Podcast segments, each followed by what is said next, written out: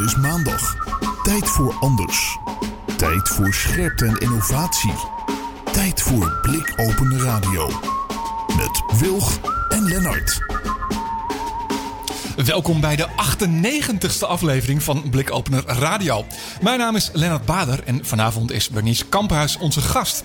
Bernice zet zich al jaren in als eh, opbouwwerker en is onder andere gespecialiseerd in sociale duurzaamheid in buurten. Ze traint bewoners en begeleidt buurtinitiatieven die actief zijn in de energietransitie. Met alle uitdagingen die daarbij horen. Ze weet dus als geen ander hoe je het uh, sociaal en ruimtelijk domein moet samenbrengen. En is daarmee een inspirator en adviseur voor bijvoorbeeld gemeenten. Uh, staat ook aan de wieg van het initiatief Struikroven.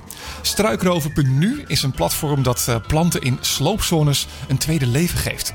Ze is de drijvende kracht achter de groeiende community die uh, Struikroven vandaag de dag is. Ja, ik ben heel benieuwd hoe dat precies te werk gaat. Maar dat horen we straks van Bernice zelf. Ja. Um, mijn naam is Esther Gons, uh, Ed Wilg. En ik heb uiteraard ook weer de blikopeners van deze week voor je. Verder hebben we in onze uitzending onze vaste columnist Rix Herklots... die bedrijven ondersteunt met diversiteits- en inclusiviteitsvraagstukken. Zo, nou, wat een deskundigheid vanavond is een uitzending weer mooi, hè? We houden ervan. Uh, genoeg reden dus om te blijven luisteren. En als je nog niet geabonneerd bent op de podcast... zoek dan gewoon op een blikopener radio in iTunes of Spotify. Of ga naar de website blikopener.radio. En als je suggesties hebt voor gasten... Ja, wie zouden we nou moeten spreken? Wie moeten we uitnodigen in deze uitzending? Um, doe een mailtje Stuur een uh, mailtje naar post.blikopener.radio uh, of uh, nou ja, via de socials. Ja, of laat van je weten op Twitter Blikopener Radio. Nou, hadden we het al gezegd. Struikroven, wat is dat? Maar laten we eens beginnen bij Bernice. Goedenavond, Bernice. Hallo, goedenavond. Goedenavond. We hadden al een vrij lange introductie over jou. Klopt die nog, klopt die nog een beetje? Ja, ik ben er eigenlijk wel van onder indruk als ik over mezelf hoor. Sowieso, het klinkt als heel professioneel allemaal. en dat is natuurlijk ook zo. Nou ja, ik, ben, ik, ik blijf bezig, laat ik het zo zeggen. Het is ja. een beetje veel soms zelfs, ja. Ja, dat blijkt inderdaad. Zeg. Maar waar, waar, om daar gewoon mee te beginnen, waar komt die passie vandaan? Voor, voor, voor ja, duurzaamheid, voor ja, voor buurtinitiatieven ook. Ja. Ja, ik moet zeggen, um, de inzet op natuur en duurzaamheid komt eigenlijk al sinds dat ik heel klein ben. Uh, en ook wel vanuit bepaalde zorgen die ik me maakte. Ik kon er vroeger als kindje al niet van slapen dat ik me zorgen maakte. Oh dus dat zit wel verankerd. En ik moet zeggen dat ik eigenlijk mijn ogen zijn op een bepaald moment geopend een paar jaar geleden. Dat ik me realiseerde van, oh, maar ik kan iets doen. Ik kan iets betekenen door gewoon te doen wat ik al doe. En waar ik goed in ben en wat ik heel leuk vind. En daar ben ik zo dankbaar voor dat ik het idee heb dat ik een motortje heb gevonden om mijn angsten om te zetten in iets doen en iets verbeteren en het beter achterlaten. En nou ja, het goede doen, zeg maar. Dus ik ben super blij dat ik, ik ben ook wel de dodende dertiger geweest, weet je, en een twintiger ook nog, weet je wel, van ja. uh, hoe ga je iets betekenen en wat ga je doen en wat kan ik en waar, waar ben ik nodig. En dat heb ik nu sinds een aantal jaren en sindsdien vliegt het als een malle. Dus ja. ja en, en dat motortje, is, dat zijn die buurtinitiatieven of niet? Of wat, wat, hoe vind je ja. dat? Ja, dat zijn inderdaad buurtinitiatieven, maar gewoon uh, dingen doen in gewone buurten met gewone mensen. Uh, maar wel daarmee uh, de buurten gezonder maken, groener maken, fijner maken en gezelliger maken. Dus uh, geen beleidsplannen, grote overhols, maar gewoon aan de slag met de schep doen. in je hand in de buurt. Ja, echt een doen, ja. doen mentaliteit. Ja. ja, en ik kan me ook voorstellen dat als je dan, dan ergens iets voor je eigen buurt wilt doen en je in je eentje met die schep in je hand staat, het ook goed voelt dat er dus nog meer mensen zijn die misschien dezelfde angsten of, of passie hebben als jij. Ja, op de een of andere manier komt het nooit in me op of iets alleen te doen. Ik weet niet, ik ben gewoon een organisator. Ben ik eigenlijk altijd wel geweest. Dus als ik iets organiseer, dan heb ik meteen zin dat het ook leuk en gezellig is of zo. En daar horen vaak gewoon heel veel mensen bij. Dus uh, het gaat een beetje als vanzelf. En natuurlijk is het super fijn om te merken dat er heel veel animo is. Ook elke keer na elke struikroofactie om te zien dat er gewoon tientallen, soms wel 40 tot 50 bewoners zich aanmelden om op roverspad te gaan. dat is ja, super vet. Nou, daar wil ik zo meteen meer over horen. Hè? Want de naam is natuurlijk al fantastisch, maar goed. Maar, maar um, je, je, zei, nee, dat, als kind had je dat al. Heb je daar ook uh, qua uh, studiekeuze en zo zomaar iets mee gedaan al? Met, met, met die zorg of met die interesse die je toen had? Ja, ik heb uh, Uh, uiteindelijk heb ik uh, CMV gedaan. Dat is wel meer gericht op bewoners en communities. Uh, CMV, moet je even helpen hoor. Waar staat dat voor? Ja, culturele en maatschappelijke vorming. Die opleiding bestaat inmiddels niet meer trouwens. Dat is wel heel erg jammer, want het was best wel een brede opleiding. En dat is nu meer toegespitst op sociaal werkers. Dus dat is meer op individuele zorg gemaakt en niet per se in het collectief. En daar was CNV juist zo goed in om niet als hulpverlener aan de slag te gaan en wijken, maar juist verbindingen te leggen en smeermiddelen te zijn tussen bewoners en instanties. Dus echt het collectief op te pakken. Die community building zat daar heel erg in. Uh, maar daarnaast heb ik ook wel journalistiek, uh, heb ik ook nog lang over na te denken. Maar uiteindelijk ben ik toch heel blij met deze brede, brede opleiding. En toen was je klaar. En toen? Waar kwam je terecht? Ja, uh, feestjes. En, uh... de dolende, de dolende, de dertiger. Ja, nou ja, ik, ik ben echt wel even zoekende geweest, moet ik je eerlijk zeggen. En ik heb ook op allerlei plekken gewoond. Ik kom uit Eindhoven, maar ik heb uh, in Leiden gewoond, Den Haag, Amsterdam wilde ook heel graag in Amsterdam wonen. En ben me in die periode ook wel een beetje mezelf een beetje verloren. In de zin van dat het daar wel heel erg gaat over wie je bent, waar je woont. En uh, toch wel heel erg op ego gericht. En toen op een bepaald moment heb ik eigenlijk op de noodrem getrapt. Wat ik eigenlijk zo vaak lees, ook van mijn leeftijdsgenoten, dat er zo'n breekpunt is geweest. Of het is een burn-out geweest, of een of ander iets wat er gebeurde, waardoor er ineens een heel ander pad begon.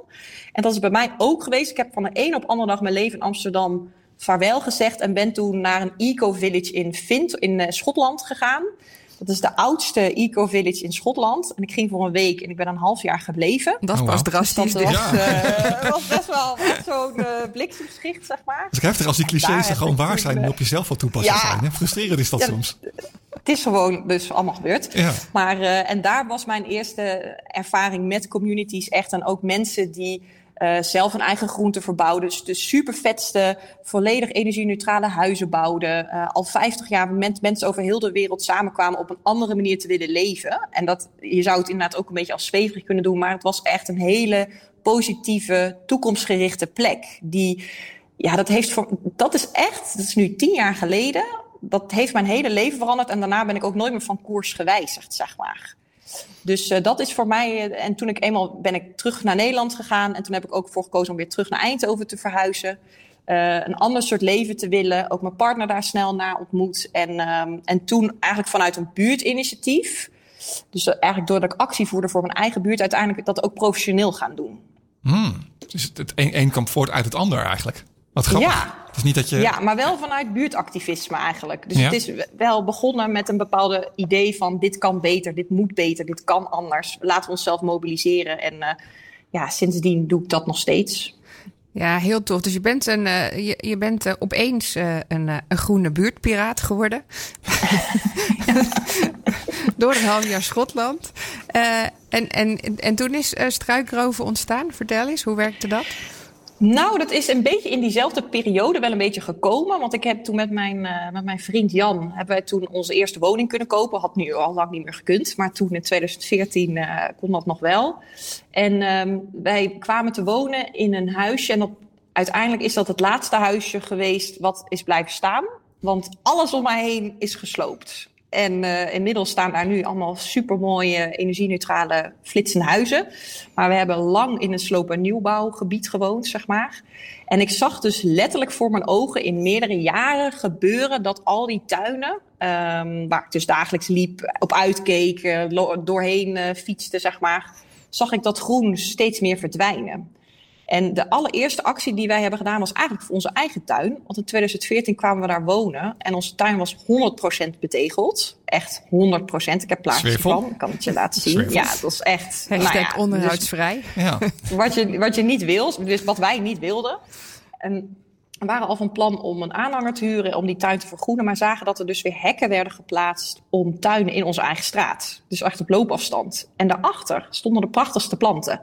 Echt planten waar wij niet eens van durfden te dromen om in onze tuin meteen te kunnen plaatsen. En waarschijnlijk ook mooi en, volgroeid al en niet per se. Ja, ja, allemaal volwassen, echt prachtige dingen. Dus toen, nou ja, dat was eigenlijk de eerste actie van hoe raar is dit, weet je wel. Gaan wij nu naar een tuincentrum terwijl over een paar dagen dit allemaal verdwenen is. En um, dus dan hebben we een mailtje gestuurd naar de corporatie van mogen we in die tuinen, achter de hekken. Toen zeiden ze nee, maar we zullen de politie dit keer niet bellen. dus, uh, dit, dit, keer ook echt. dit keer niet. Dus nou ja, wij zijn zodoende, zijn wij dus met z'n tweeën, hadden we ook nog geen kinderen. Dat is echt, ja, 2014, langer geleden. Uh, zijn wij op pad gegaan. En ja, het is echt een make-over geworden. Daar heb ik ook foto's van. Het is jammer dat het radio is eigenlijk. Want, uh, um, en die planten, die doen het nog steeds. Die groeien. Ja. Prachtig zijn ze. We hebben ook een paar rhododendrons gered. En dat is nu onze kerstboom geworden. In de zin van elk jaar maak ik nu een foto van mijn kindjes. Die dus elk jaar groter worden. En dan die bloemen staan dan in bloei, weet je wel. Dat is dus elke keer in juni zo maken we die foto. Dus het is, die planten die zijn nog steeds een onderdeel van. Die zijn een onderdeel geworden van onze familie. Dus planten hebben ook die waarde, zeg maar, kunnen ze toevoegen. En um, nou, dat was eigenlijk de eerste actie. En dan een paar jaar later was dus de laatste sloopfase echt aan mijn rechtstreekse buren aan de gang. Waar ik dus echt vanuit mijn slaapkamerraam kon ik zo al die tuinen inkijken. Er waren 130 huizen, alles bij elkaar. Echt wow. een groot gebied. En toen dacht ik, ja jongens, we gaan niet met z'n tweeën, we gaan met zoveel mogelijk mensen. En toen ben ik dat gaan organiseren. En um, iedereen wilde meedoen. Dus toen, en, ja, en nu is het een beetje uit de hand gelopen in de zin van dat ik het nu door heel Nederland doe met heel veel andere mensen. Ja, ja, want, want, want, daar hoort van alles bij. Hè? Want er, we zeiden net al dat, dat struikroven.nu is in principe nu een platform geworden voor dat struikroven. Uh, ja. Maar ik zag ook allerlei interessante uh, woorden als logeertuinen. En, en, want hoe werkt dat precies op, op jullie platform? Je hebt dan struikrovers en die gaan dat dan weghalen. Maar waar blijft het dan? En hoe werkt dat dan? Die naam is zo mooi. Ja. Ja, we kunnen er ook alle kanten mee op. We hebben roverspakten, roverstuinen, struikrovers, roversbendes. Uh, we gaan helemaal los daarmee. Uh, nou, het is zo dat we dus inmiddels aanvragen door heel Nederland krijgen. Want uh, er wordt overal in Nederland gebouwd, gerenoveerd en heringericht. Echt op grote schaal. Dus je hebt het echt over hectare groen. Wat moet wijken voor komst van iets nieuws. Uh, en we werken met steeds meer lokale mensen. Um, en wat we merken, wij sowieso doen we het dus altijd samen met de buurt. Dus we mobiliseren de omwonenden en die planten die we redden, die houden we zoveel mogelijk zo dichtbij waar ze vandaan komen. Dus Want daar zijn hun worteltjes nou eenmaal aan gewend, aan, aan dat soort grond. En, uh... Nou ja, en wat natuurlijk ook zo is, door zo'n sloopproces uh, verdwijnt er zoveel, eh, wat bijna niet meer terugkomt. Dus je wil die biodiversiteit in dat gebied, net zoals in mijn buurt, het is gewoon jaren stil geweest. Hè? Ik hoorde gewoon geen enkele vogel meer. Dat maakt echt veel impact. Het is gewoon doodstil in zo'n nieuwbouwwijk. Ik vond het heel frappant um, uh, over vogels toen uh, corona, toen er in, in Aalsmeer heb het helemaal hoor, maar uh, dat er niet gevlogen werd. dat je dus mm. de vogels hoorde. Ineens, ja, jij klinkt ook meteen. Ja. Ineens. Dat is gewoon. ja. En ik kan me dus ook voorstellen dat andersom heel raar is. Dat je dan op een gegeven moment merkt van ja. het is helemaal niet meer. Nee, en het schijnt zelfs echt over, met on onveiligheid gevoel te hebben. Als het stil is, zijn we hm. angstig, want dan klopt er iets niet. Dus hm. kan je nagaan hoe dat op ons inwerkt, hoeveel, hoe verbonden zijn met elkaar. Wow. Uh, de natuur en wij mensen. Um, maar goed, dat groen willen we dus zoveel mogelijk in de omgeving zelf. Dus het belandt in de voor- of achtertuinen van de buurt eromheen. Of in de openbare ruimte. Of bijvoorbeeld schoolpleinen. Dus de buurtscholen in de buurt. Die zijn ook super blij met die grote planten die we uh, vaak over hebben. Wat we ook merkten Pas nadat we gingen struikroven met de buurt, soms wel één of twee dagen, met uh, soms wel 50 tot 60 mensen, zeg maar. Uh, dat er dan nog planten over waren. Dat er gewoon zoveel stond, of dat het bijvoorbeeld hele grote planten waren. En vandaar ook onze behoefte om dat ergens op te kunnen slaan. En vandaar ook die circulaire hubs, hè, die roverstuinen. Waar we dus nadat de buurt zijn kans heeft gehad om te struikroven, daarna nog een keer het gebied ingaan en alles wat we kunnen vinden kunnen opslaan. Uh, om daarna te gebruiken als het nieuwbouw af is of voor andere doeleinden. Er zijn zoveel groene initiatieven. Hè? NK Tegelwippen, Stichting Steenbreken, Plantjesdagen.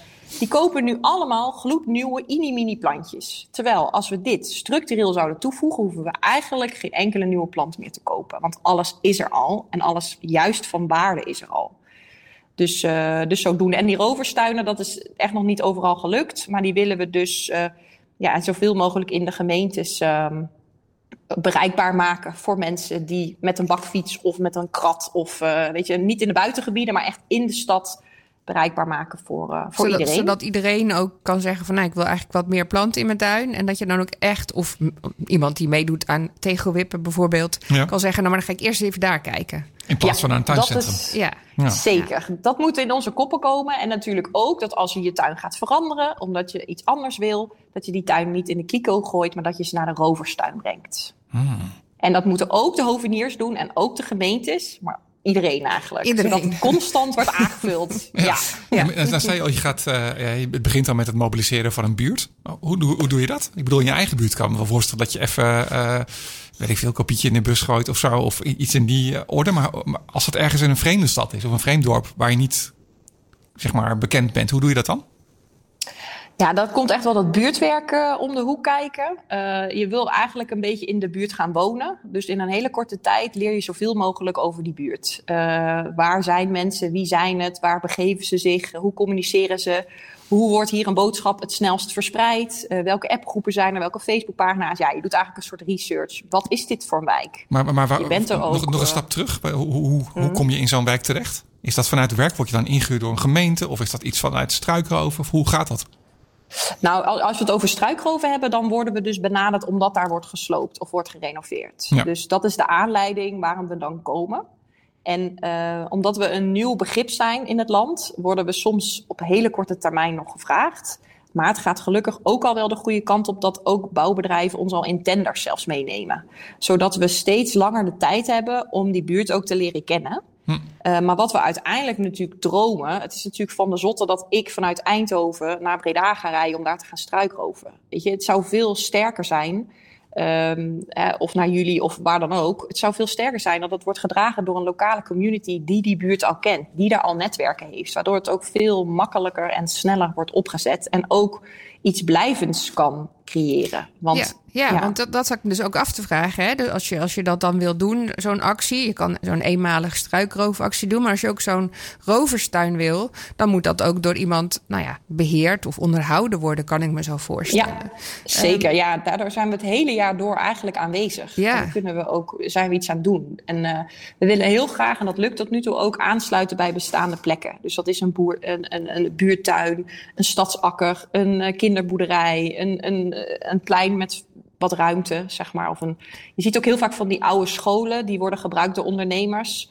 of door andere sociale initiatieven die daar kantoor houden. Die hebben vaak ruimte genoeg om wat planten op te slaan.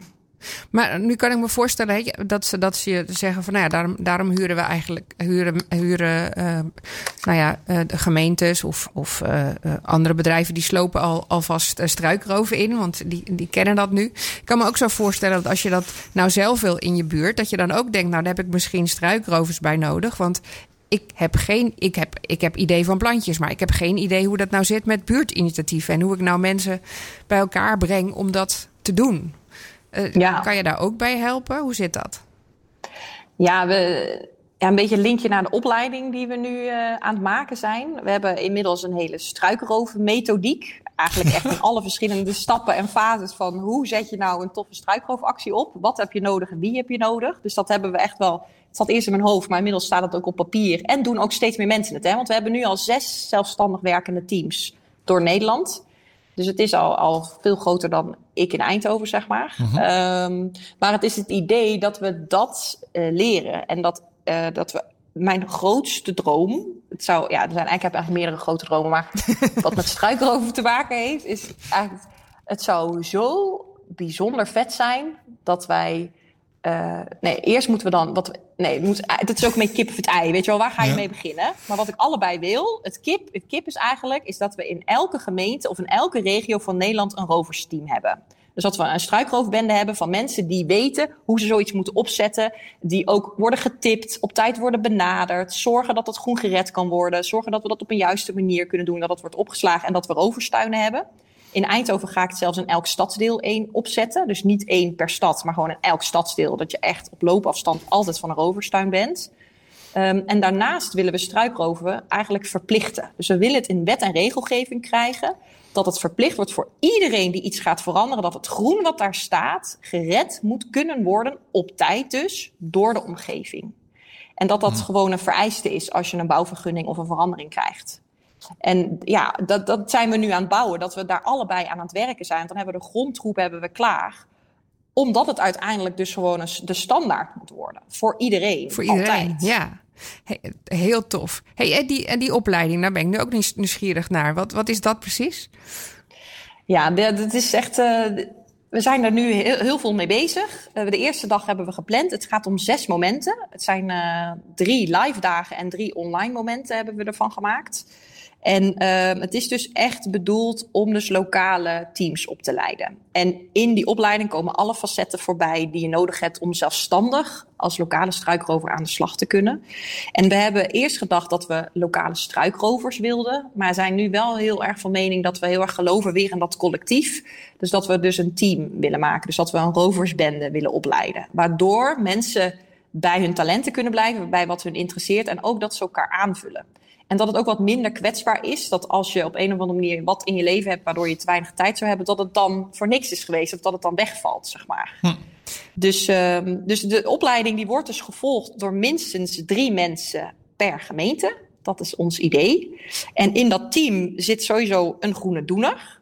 Dus dat is iemand die een bepaalde basiskennis heeft over groen en ecologie. Daar zit ook een kwartiermaker in. Dat is iemand die het superleuk vindt om met gemeentes en corporaties contact te hebben. En ook kan schrijven en subsidieaanvragen kan doen. En die een beetje dat systemische kent, zeg maar. Ja, dat, dat die beleidstechnieken. Die, een beetje, de, beetje de beleid. Ja. Ja, niet leuk vindt om te presenteren en te schrijven. Die, die dat gewoon kent en al dat netwerk ook al een beetje heeft. Dus al iets heeft gedaan met de gemeente.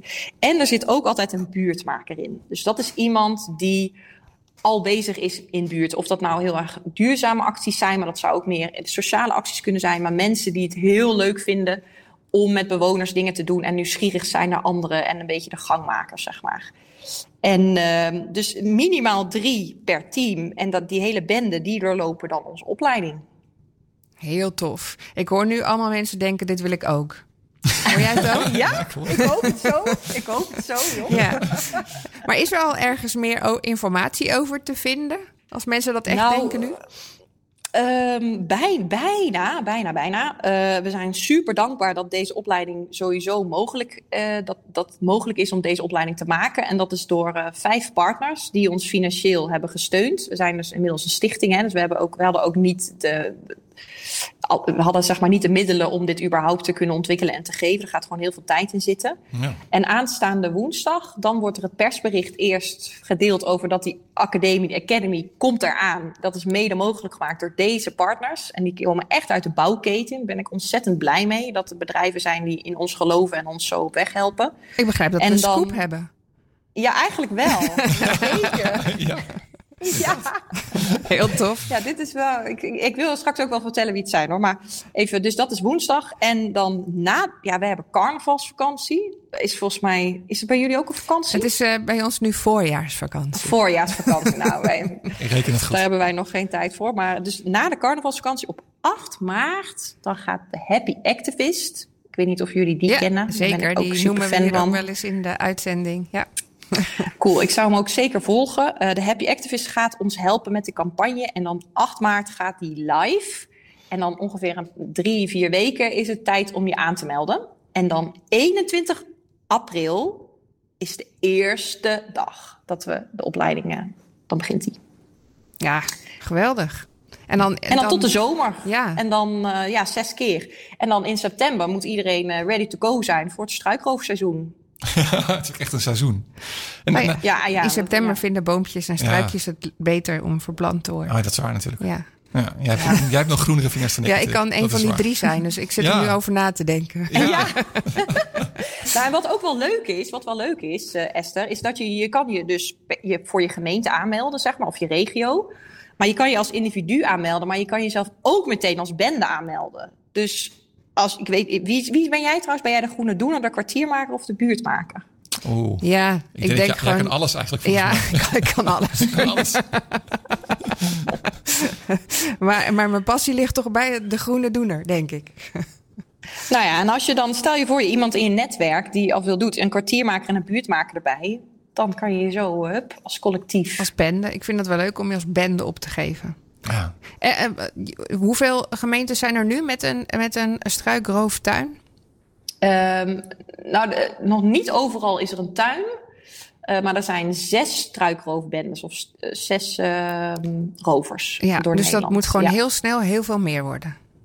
Ja, we willen wel echt naar de 16 tot 20. Dus dat is al best wel veel. Maar we zouden eigenlijk nog veel meer willen. Maar ik merk wel dat de mensen die er nu zijn, die bellen me ook best wel vaak over dat ze willen overleggen. Het is natuurlijk super gezellig, maar het is ook heel veel werk. Weet je, we zijn hier maar met z'n twee op kantoor, dus we moeten het ook wel goed kunnen doen. Terwijl die opleiding natuurlijk zo goed in elkaar zit dat je echt alles weet wat je nodig hebt.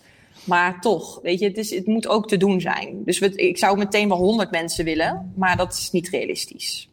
Nee, we moeten een beetje langzaam groeien. Langzaam laten groeien en bloeien. En bloeien, ja. Ja. Dat, En dan volgend jaar weer een badge en dan het jaar daarna weer. En dan totdat we... ja, Net zolang dat, dat er? iedereen Ja. snapt, als je nou iets wil, dan ga je eerst naar zo'n roverstuin. Net als dat, dat, je, dat iedereen het ook logisch vindt nu om naar een eh, tweedehands winkel te gaan. Als je iets specifiek zoekt. Ja, Ja. heel tof. En zouden nog mensen, zou de naam misschien sommige mensen afschrikken? Oh, ik ben een rover. Dat mag helemaal niet. Ehm, nee, ja, mensen... Ik hoor wel heel veel enthousiasme juist over die naam. Dat mensen wel verbaasd zijn. En we, hopen het natuurlijk gewoon te laden als een nieuw werkwoord. Ja. Dit is gewoon iets... Ja, Ja, het is niet, niet illegaal. Dat bedoel ik meer daarmee te zeggen. Nee, nee, dat is In wel. principe dat is het niet illegaal. In interviews en zo. Nee, wij komen alleen maar waar de hekken al openstaan. Ja. Ja, of in overleg met, met de, Precies. de plekken waar het gebeurt. Ja, je kan veel meer halen als je gewoon met je kruiwagen door een hek kan. In plaats van dat je er overheen moet klauteren. Nee, maar dat is misschien goed om te benadrukken. Weet je, dat het wel de legale Ja, manier Precies. is. In overleg rovers. Ja, gaan de hekken open voor de struikrovers. ja, wij worden met open armen ontvangen. Dan ben je echt eh, baas, toch? Precies, zo Robin Hood-achtig. En eh, mochten er nou mensen zijn eh, die een plek hebben, zo'n zo'n roverstuin, hoe groot moet dat ongeveer zijn? Ja. ja, ik zeg nu wel een halve tiny forest. Een halve tiny forest. en eh, vooral Ja. voor de mensen die dat helemaal niks zegt, hoe Nee, groot dat, dat? nou precies is. Dat is ongeveer, nou ja, het is natuurlijk, om mee te beginnen is dat een halve tennisbaan. Ja, een halve tennisbaan. Dat zegt mensen wel wat, En denk dan kan je al best wel veel opslaan, want je moet ze ook dicht tegen elkaar aanzetten. Want het zijn natuurlijk wel planten die verplaatst zijn, dus ze hebben een beetje steun van elkaar nodig. Maar met een halve tennisbaan kan je echt al heel veel opslaan. Tof. En je houdt nog een andere helft hou je over. Dus Nou, dat kan aan best. iedereen Ja. dus ga op zoek naar eh, je eigen bende. Geef je op. En eh, mocht je een stuk grond over hebben als tuin, nou, dan hoorden, horen we dat vast ook graag. Nou ja, wij niet per se Ja.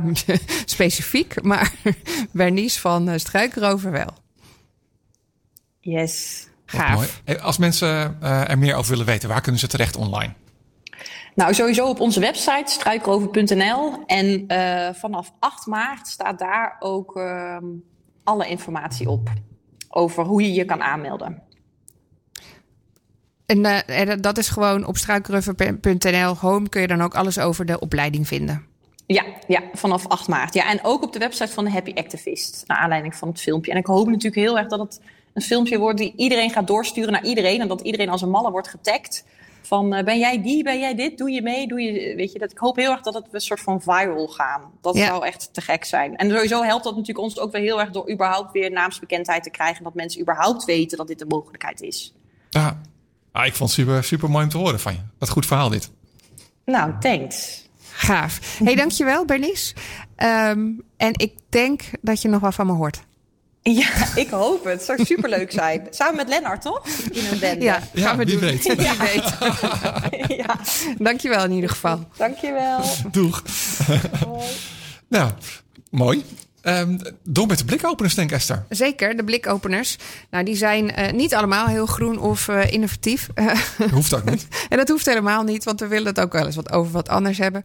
Ehm, ik had in ieder geval eh, even een linkje naar eh, de vorige keer. Toen had ik het volgens mij over die eh, satellieten die ehm, eh, de lucht in werden geschoten. Onder andere die van SpaceX en Ja. Elon Musk, Starlink, ja. Waarvan er zoveel in de ruimte zaten. Nou ja, dit is niet helemaal over een satelliet, maar wel over de, de International Sta- Space Station. Ja, Die hangt daar al eventjes. ja best wel lang, hè? Ja, ja, en het doel van de International Space Station ooit eh, was dat hij daar 10 tot 15 jaar zou hangen. Om wat onderzoek te doen en, en dan eh, zou het over zijn. Eh, maar inmiddels is hij al goed op weg naar, eh, naar, een, naar volgens mij 21 jaar inmiddels. Oh, wauw. En ehm, er zijn ook al wat eh, modules aangebouwd eh, door eh, andere landen. Eh, zo zijn er door de Europese een aantal modules aangebouwd. Gezondheid. Nou, dat gaat heel goed. Die. Dat is eh, handig van eh, live radio, mensen. Dat je gewoon toch nog eventjes eh, een beetje kan verslikken. Moeilijk kan een beetje praten en stem. En het gaat niet goed. Nee. Nee, Oh, En misschien kan jij hem even verder voorlezen. ja. Nee, dus ehm, de, ehm, even kijken hoor. Dus de NASA die heeft dus plannen om het International Space Station ja, te gaan vernietigen. Maar, maar hoe doe je dat? Als het in de ruimte is, hoe kun je dan zeg maar, ehm, ja, dat zou maar zonder gevaar eigenlijk doen? Ja, Daar zijn ze dus een beetje over aan het kijken. Ze hebben een plan eh, aangekondigd eh, om het eh, officieel te ontmantelen in eh, 2031. Eh, en ja, nadat er nou ja, echt tientallen lanceringen zijn geweest sinds 1998, toen die zeg maar in, eh, in een baan om de aarde werd gebracht, ja, is het naar beneden halen, weer terughalen naar de aarde. Dat is toch wel een, eh, een, een, een, een, vak apart, om het zo te zeggen. ja, en dat is dus heel tof, want ze willen hem dus echt terughalen naar aarde. Terughalen ook, gewoon niet, Ja. niet in stukjes opblazen. Nou ja, dat is dus waarom ze eh, zeggen terughalen, want dat is heel gevaarlijk. Ze hebben zelf al een aantal kritieke situaties gehad met eh, eh, space debris. Dat gaat dan heel hard in kleine stukjes, maar kan heel veel gevaar opleveren. Dat gaat heel hard. ja. En ze zeggen van ja, dat is dus heel gevaarlijk. Hij moet gewoon terug naar de aarde. Maar het is, niet, het is niet zo dat ze hem, zeg maar, als hij niet in gebruik is, dat je hem ehm, gewoon kan laten zweven in een vaste baan. Of weet ik veel, dat dat veiliger zou zijn nog. Ja, wel, maar hij is inmiddels een beetje aan het vergaan. Ah, oh, hij valt echt uit elkaar op een Nou, gegeven moment. hij- niet alle modules, er zijn nieuwe modules bijgebouwd. Maar de oudste modules wel, omdat die natuurlijk maar voor 10 tot 15 jaar gebouwd is en inmiddels eh, eh, over de 20 heen gaat, Ja. eh, heeft hij heel veel schade van aan de ene kant de zon eh, die, eh, die, en de radiation van de zon. En aan de andere kant de ijzige kou van de ruimte. Ja. En dat zorgt ervoor dat de buitenste structuren gewoon op een gegeven moment op zijn. En dat kan net zoveel gevaar opleveren. Hm, nou snap ik het. Ehm, maar het is een heel groot, hij is heel groot. Want inmiddels is er zoveel bijgebouwd dat hij, eh, dat, dat hij echt belachelijk groot is. En eh, eh, dat dus ook gevaarlijk is om terug in de aarde te laten komen. Hij is inmiddels zo groot als een voetbalveld. En het is het grootste mensgemaakte object in de ruimte.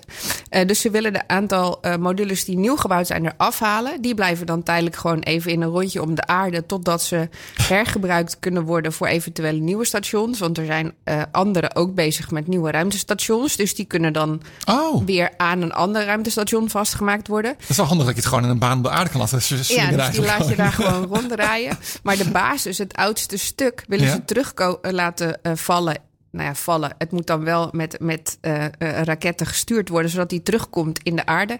En die willen ze in de midden van de, van de Pacific Ocean laten vallen. En daar is een locatie, dit heet Point Nemo. Eh, en dat, daar, daar, daar liggen dus meer dingen uit de ruim- ruimte. Dat is een soort spacecraft grave, graveyard geworden. Niet. Ja, Dat de begraafplaats voor, de, voor space dingen. Want daar laten ze dus op de meest ehm, nou ja, afgelegen plek in de oceaan vaker dingen terechtkomen. Want je kan natuurlijk niet heel precies sturen. Nou ja, goed, je zag bij SpaceX dat dat redelijk precies kon. Maar in dit geval is die vrij groot. Ja. Eh, dus heb je wat manoeuvreerruimte nodig. En daar is dus een, een plekje voor. Eh, eh, en dat is het plan met... ik vond dat heel indrukwekkend dat het een plan was met, de- Ja. met de ISS. Dat ze daar ook zoveel moeite voor doen om dat dan inderdaad netjes terug te doen. Dat is, ja, het moet wel. Toch? eigenlijk. Ja, dat lijkt me ook wel. Het, kan, het kan eigenlijk niet anders, maar ook wel. Ja, nou een eh, ander verhaal is, eh, we, hadden natuurlijk ooit wel eens over eh, Bitcoin. En dat Bitcoin, of in ieder geval de blockchain als ehm, technologie ook best hele goede dingen zou kunnen doen. We horen natuurlijk heel veel over Web3. eh, en, en dat je daardoor dus ook nou ja, contracten alvast vast kon leggen. En misschien ook samenwerkingen met anderen beter vast kan leggen. Ehm, maar goed, er zit natuurlijk ook nog heel veel eh, dingen aan die verkeerd, ga, eh, verkeerd kunnen gaan. Hè? Want die, dat, dat, die bitcoin en, en die andere eh, cryptocurrency moet ook gemined worden. Nou, bitcoin wordt nog op een hele ouderwetse manier de technologie van gedaan. Dus dat moet... Met, Kost met heel een- veel rekenkracht, ja, dat energie, is dus echt een heel uit arbeidsintensieve manier van minen eigenlijk. Hè? Ja. Dus, ehm, en nu was er, is er in Mont- Montana in Amerika een, een oude kolencentrale, een elektriciteitscentrale die al een beetje op zijn laatste benen liep eh, voorlopig. Dus eh, daar was de, de lokale overheid daar heel blij mee, want die dacht van nou goed, nog een jaar of wat en dan is die uitgefaseerd. En dan kunnen wij weer aan onze doelstellingen voldoen, Ja. eh, CO2-technisch. Eh, maar dat was dus niet zo, want eh, een van de grotere Bitcoin mining companies zei: dat is tof, eh, doe mij die eh, kolencentrale maar. En die hebben hun uh, volledige serverruimtes naast die kolencentrale gebouwd. En de kolencentrale draait nu op volle kracht. Niet. Uh, volledig en alleen maar voor uh, die bitcoin miners. En dat mag gewoon? Daar, daar is nog helemaal geen regelgeving voor in de US. Ik weet niet of in het, in het in Europa al anders is. Maar ik vind het meer algemeen te denken van... mag je zeg maar voor jouw bedrijf zoveel uitstoot doen?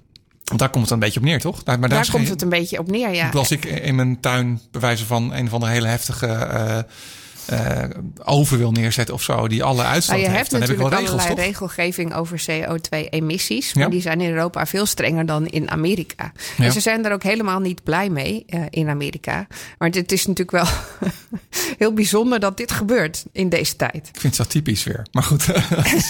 ik ja. weet ook nog niet of daar een oplossing voor is.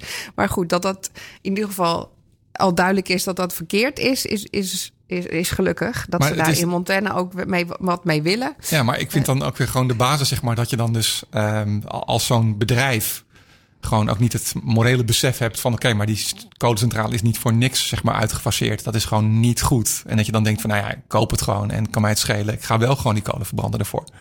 Ja, ik, Ik weet niet of het hier zou kunnen eigenlijk. Ik heb geen idee. Het is onethisch, ja. Ja, hoe dan? Weet je? Maar er is nog geen regelgeving op ethiek volgens mij wat dat betreft. Nee, maar wel? ja, Nee. los van regelgeving. Is het gewoon Ja, fatsoen of zo? Het is fatsoen, inderdaad. In dit geval ging geld voor, geloof ik.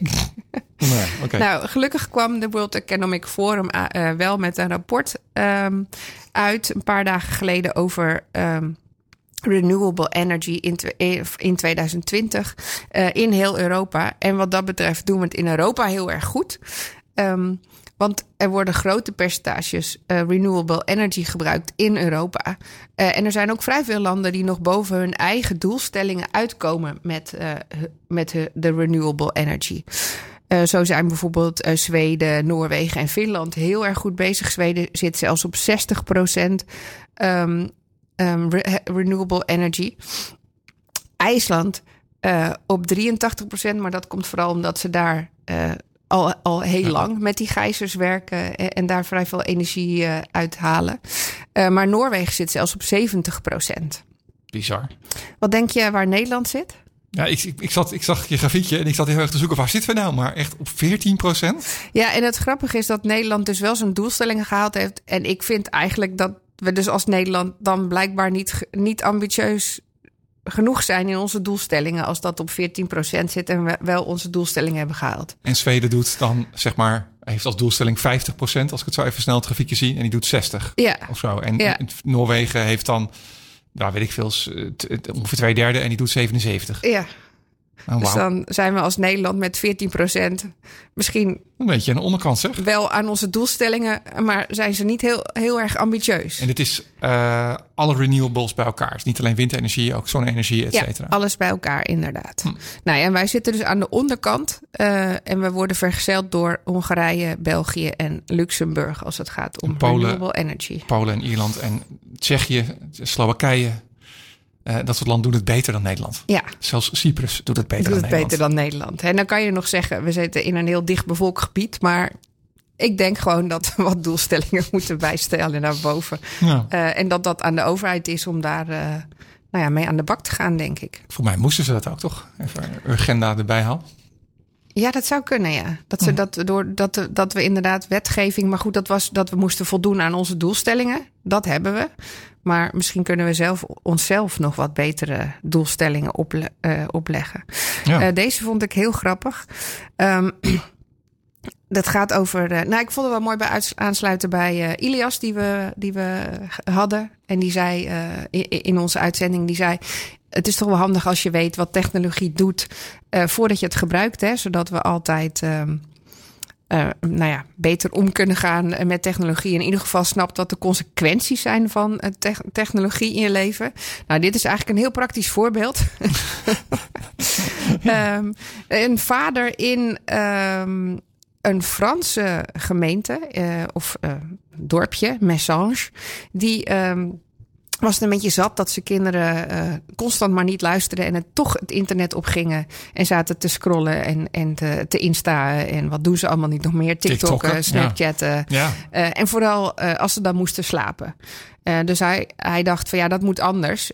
Ik wil gewoon dat ze tussen tussen 12 en zoveel s morgens, drie uur, vier uur s morgens slapen. En niet dat ze scrollen. Dus daar moet ik wat aan doen. Ja. Dus hij wilde heel graag het internet uit in zijn huis tussen 12 uur s'nachts en drie uur s ochtends. Ehm, Ik voel een pragmatische aanpak opkomen. ja, en misschien iets te pragmatische aanpak. Ehm, in plaats van dat hij dacht, nou ja, misschien kan ik mijn eigen.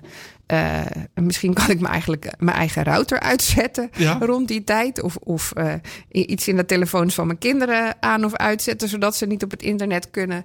Ehm, heeft hij een jammer gekocht. Nou, een jammer eh, die blokkeert alle communicatie eh, door de lucht eh, in een bepaalde omgeving. En jammers zijn, nou ja, net als in Nederland, in bijna alle landen verboden. Want dat kan gevaar opleveren voor de omgeving die toch zou moeten communice- communiceren als er iets aan de hand is. Ja. Ehm, maar die jammer was vrij effectief of sterk, hoe noem je Sterk, dat? ja, krachtig. Krachtig, Ja. precies. Want de jammer legde niet alleen de, de communicatie om zijn eigen huis of in zijn eigen straat plat, maar in twee gemeentes. Niet? Dus niet alleen in, in, het, in het dorpje Messange, maar ook in het, in het dorpje ernaast was er tussen 12 uur s'nachts en 3 uur 's ochtends geen communicatie mogelijk. En er waren een heleboel mensen die daarover gingen klagen. Van joh, ik heb eigenlijk helemaal geen bereik eh, dan. Wat is er aan de hand? Eh, en zo deed de overheid, in dit geval eh, de gemeentes van dat dorpje, onderzoek. En kwamen ze erachter dat dat geheel bij de jammer van deze papa vandaan kwam. Oei, oei. Ik hoop dat ze hem uitgelegd hebben dat dat ook op een andere manier kan. Ja, hij was zich van geen kwaad bewust. Nee, Nee? dat lijkt, uit het verhaal blijkt dat die man niet zo goed wist eh, dat dit de gevolgen waren van het instellen van zo'n jammer. Ook niet dat ze illegaal waren. Eh, en, was, ja, en- waarom die geen andere alternatieven had bedacht, dat weet ik ook niet. Misschien niet genoeg verstand van, van, van de mogelijkheden. Waarschijnlijk kwam die online, daar heb je het al. Eh, Ja. Natuurlijk iets tegen van, nou ja, wil je ook eh, je kinderen niet meer dat, bla bla, dan eh, kun je gewoon uh, zo doen. Ja, ja, dat denk ik, ja. ja. Ehm, dus ja, dat, dat waren mijn blikopeners voor deze week qua interessante verhalen. Had jij nog blikopeners? ehm? Zo. Nou, dat is nog misschien wel een, eh, een, een leuke. Ja. We hadden natuurlijk in. Ik geloof dat we op een, een record zijn beland. Want we hadden in de afgelopen zes dagen, zes dagen achter elkaar storm. Ja. En dat waren er drie achter elkaar. ja, dat heet een drieling of zo, een drieling. Een drieling, ja. En Ja. dat is vrij uniek. Ja, Ehm, dus ik heb natuurlijk ook even zelf onderzoek gedaan van waar heeft dat nou mee te maken. Ja. Eh, die drielingstormen die, eh, die komen niet zo heel vaak voor. Maar wanneer komt het nou voor? Dat komt voor als, ehm, eh, als de straalstroom heel sterk is. En ehm, de, straal, de straalstroom hebben we het volgens mij ook wel eens over gehad. En dat is het gebied tussen de Noordpool en het warme zuiden. Ehm, waar die, die twee stromingen van warmte en kou botsen. En die straalstorm die kan, kan heel erg fluctueren. Dat die bijvoorbeeld opeens over de Alpen ligt. eh, eh, omdat eh, de koude plekken naar, wat, wat meer uitbreiden. Breiden. Eh, en hij kan wat naar boven trekken. Eh, en dan over ons land heen komen als, als bijvoorbeeld eh, de warme stromingen oprichtruk eh zijn. Ja. En nu is de straalstroom vreselijk krachtig, omdat die heel erg botst. Dus het is heel koud bij de Noordpool en heel warm in het zuiden. Dus we hebben een hele krachtige straalstroom. Ja. Wat be- zoveel Want een betekent, zachte winter ook hier. Ja. wat zoveel betekent als dat hij dus gewoon heel continu is. Dus hij blijft op één plek hangen. En daar heeft, is hij vrij recht van vorm. Mhm. Eh, wat dus betekent dat wij er gewoon constant middenin zitten. En, en eh, stormen elkaar opvolgen. ja, Ja, ik was er heel blij mee. nee. Niet. Zo. nee, Dus ja, dat is een beetje het, het gevolg, het een van het ander. Ehm, wat raar. en waarom we dus drie stormen hebben. Dat wil niet zeggen dat dat iets met het klimaat te maken heeft. Dat zou natuurlijk kunnen, omdat die warmte en koude eh, op elkaar botst. Maar daar is nog niet genoeg informatie voor om, ehm, nou ja, om te weten of dat daadwerkelijk zo is of niet.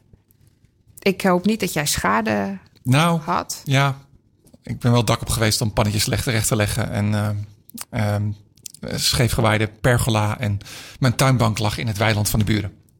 Ah, Dus ik woon ah, in dat een dijk tegenwoordig. Ja, in de precies. polder. En dat, eh, ja, dat had wel het nodige gevolg, zeg maar. Nou goed, ik heb in, in, in ieder geval ontdekt dat de dakpannen zijn uitverkocht. Ja. Oh. Dus die zijn overal uitverkocht. Eh, de leverancier heeft de horen ervan afgehaald. dus ja, eh, dat doet het niet meer. Nou, dat waren mijn blikopeners voor deze week. Oftewel, de week van Wilg. Wij proberen ondertussen Rikst even te bellen. Kijk, daar komt ze. daar is Rikst. Goedenavond, Rikst. Hallo. Ja, ik was al even bang dat het niet ging lukken. Maar gelukkig, het is gelukt. Ja, ik had even wat problemen met de verbinding, maar eh, we zijn er. Ah, tof. Ehm, ik had al een hele mond vol om jou eh, aan te kondigen. Eh, diversiteits- en inclusi- inclusiviteitsvraagstukken. Ondersteun je bij. Vertel, eh, wat is dat precies? ja eh, nee, iets wat de bedrijven van vandaag de dag natuurlijk steeds meer aangaat. In de, zeker ook de eh, zoektocht naar goed talent en het behoud van goed talent, is om ja, diverse mensen aan te trekken. Die geven daarbij ook een goede weerspiegeling van de samenleving, vaak ook het klantbestand. Eh, maar diversiteit is stap één. En, maar hoe zorg je er dan ook voor dat die inclusiviteit eh, wordt ervaren? Dus dat mensen die eh, zich anders identificeren dan het merendeel van de collega's die er nu al zitten, dat die zich toch thuis voelen binnen het bedrijf. Nou, en daar helpen wij bij. Heel mooi. Nou, dan ben ik blij dat die mond vol eh, gelukt is. Waar gaan we het vanavond over hebben? Ja, eh, impact en eh, vrouwelijk ondernemerschap. We zitten bijna in het einde van de maand. Volgende eh, maand hebben we het over Internationale Vrouwendag, 8 maart. Dit jaar is het thema ook Break the Bias. Dus nou, sluit ook mooi aan op die diversiteit en inclusie. En hoe ga je daar nou duurzaam mee om? Dus hoe zorg je er nou voor dat de vraagstukken die we hebben op gendergebied, ja, dat dat, eh, dat, dat een, een, een goede weg vindt.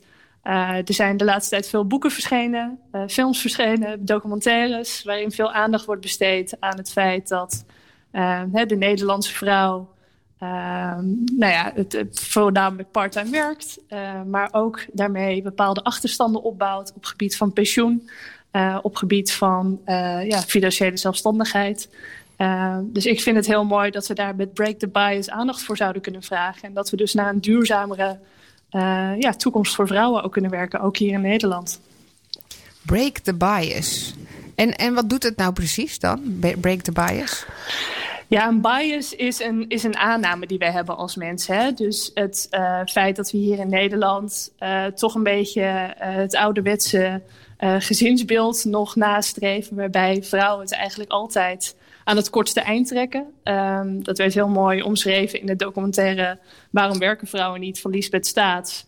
Dat je het als Nederlandse vrouw eigenlijk niet goed doet op het moment dat je moeder wordt. Hè? Als je dan stopt met werken, uh, dan heb je het, uh, het geld van de overheid verkwanseld aan je opleiding. Als je parttime gaat werken, dan ben je niet ambitieus genoeg. En als je fulltime blijft werken, ben je een slechte moeder. Uh, oh, ja. ja. Wauw.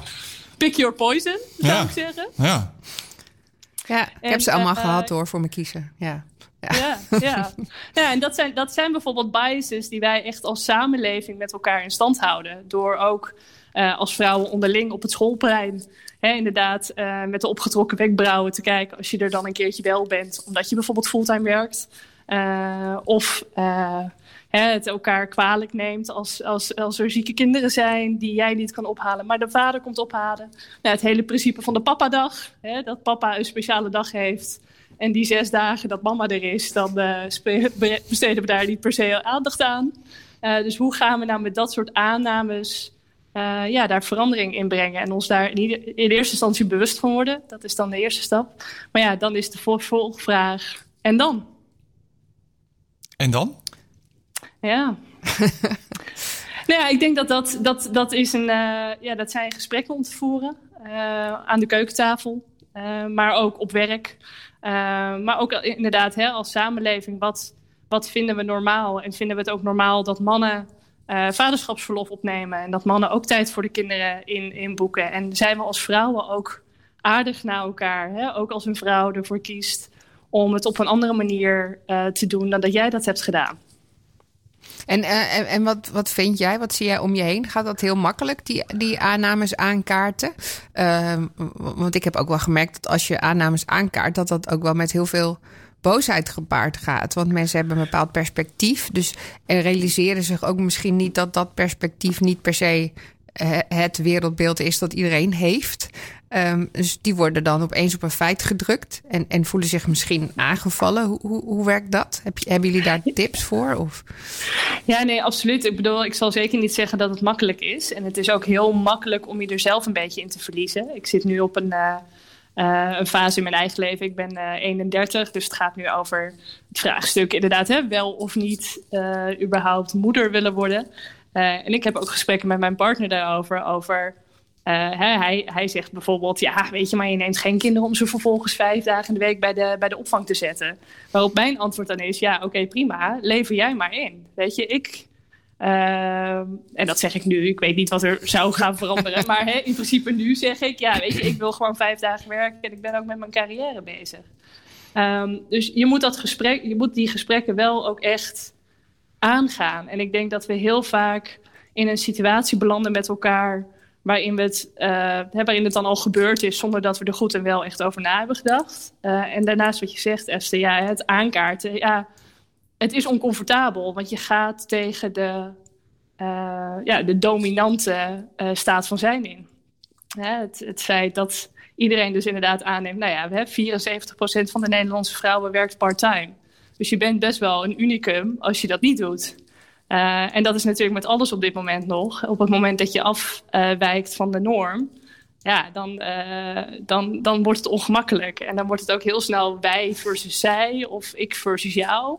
En ja, daar moet je echt voor waken. Want dan werk je iemand alleen maar tegen je in het harnas. Maar dat is af en toe wel lastig hoor. Ik kan ook heel boos worden. En dan denk ik, kom op, we snappen het toch wel met z'n allen. Ja, precies. Goed. Ja, het systeem veranderen met uh, break the bias. Ja. Nou, dan... Om een, voor, een, voor een duurzame toekomst. Ja, ik, dat vind ik wel mooi. Dat was ons duurzame linkje. Ja, precies. Ja. Ja. nou, uh, thanks uh, Rikst voor, uh, voor je aanvulling weer vanavond. Graag gedaan. Succes nog. Als mensen er meer over willen weten, waar kunnen ze terecht online? Una Collective. U-N-A en dan collective.com. Hartstikke mooi. Dankjewel. Dank je. Doei. Nou, en tot zover weer deze uitzending van Blikopener Radio. Um, over twee weken hebben we ook weer een leuke gast. Ja, over twee weken zijn we er weer met alweer een leuke gast. En, uh, land van ons, toch? Het land, moet ik het voor je nakijken? Kan ja, dat is misschien wel goed. We hebben toch de agenda erbij. Uh, meteen eventjes, uh, het staat in het drive hier. Dat, is toch in de, ja, oh. Ja, jij bent sneller met dat soort dingen, hè? Staat, oh nee, land van ons is, is de, ja, zeven, hm, nou weet ik niet uit mijn hoofd dan. Nee, ik denk dat we over twee weken niet land van ons hebben, maar wel een hele leuke uitzending en een leuke gast. Oh, Komt uh, helemaal goed. Uh, Rijnt Jan is er dan, Rijnt Jan Renes. Oh, die, klopt, ja, Rijnt Jan Renes. Ja. Die eigenlijk uh, de vorige keer zou komen, maar gelukkig de volgende keer komt als gedragswetenschapper. dat lijkt me een hele toffe uitzending, inderdaad. En tot zover. Fijne week. Fijne week. Doeg.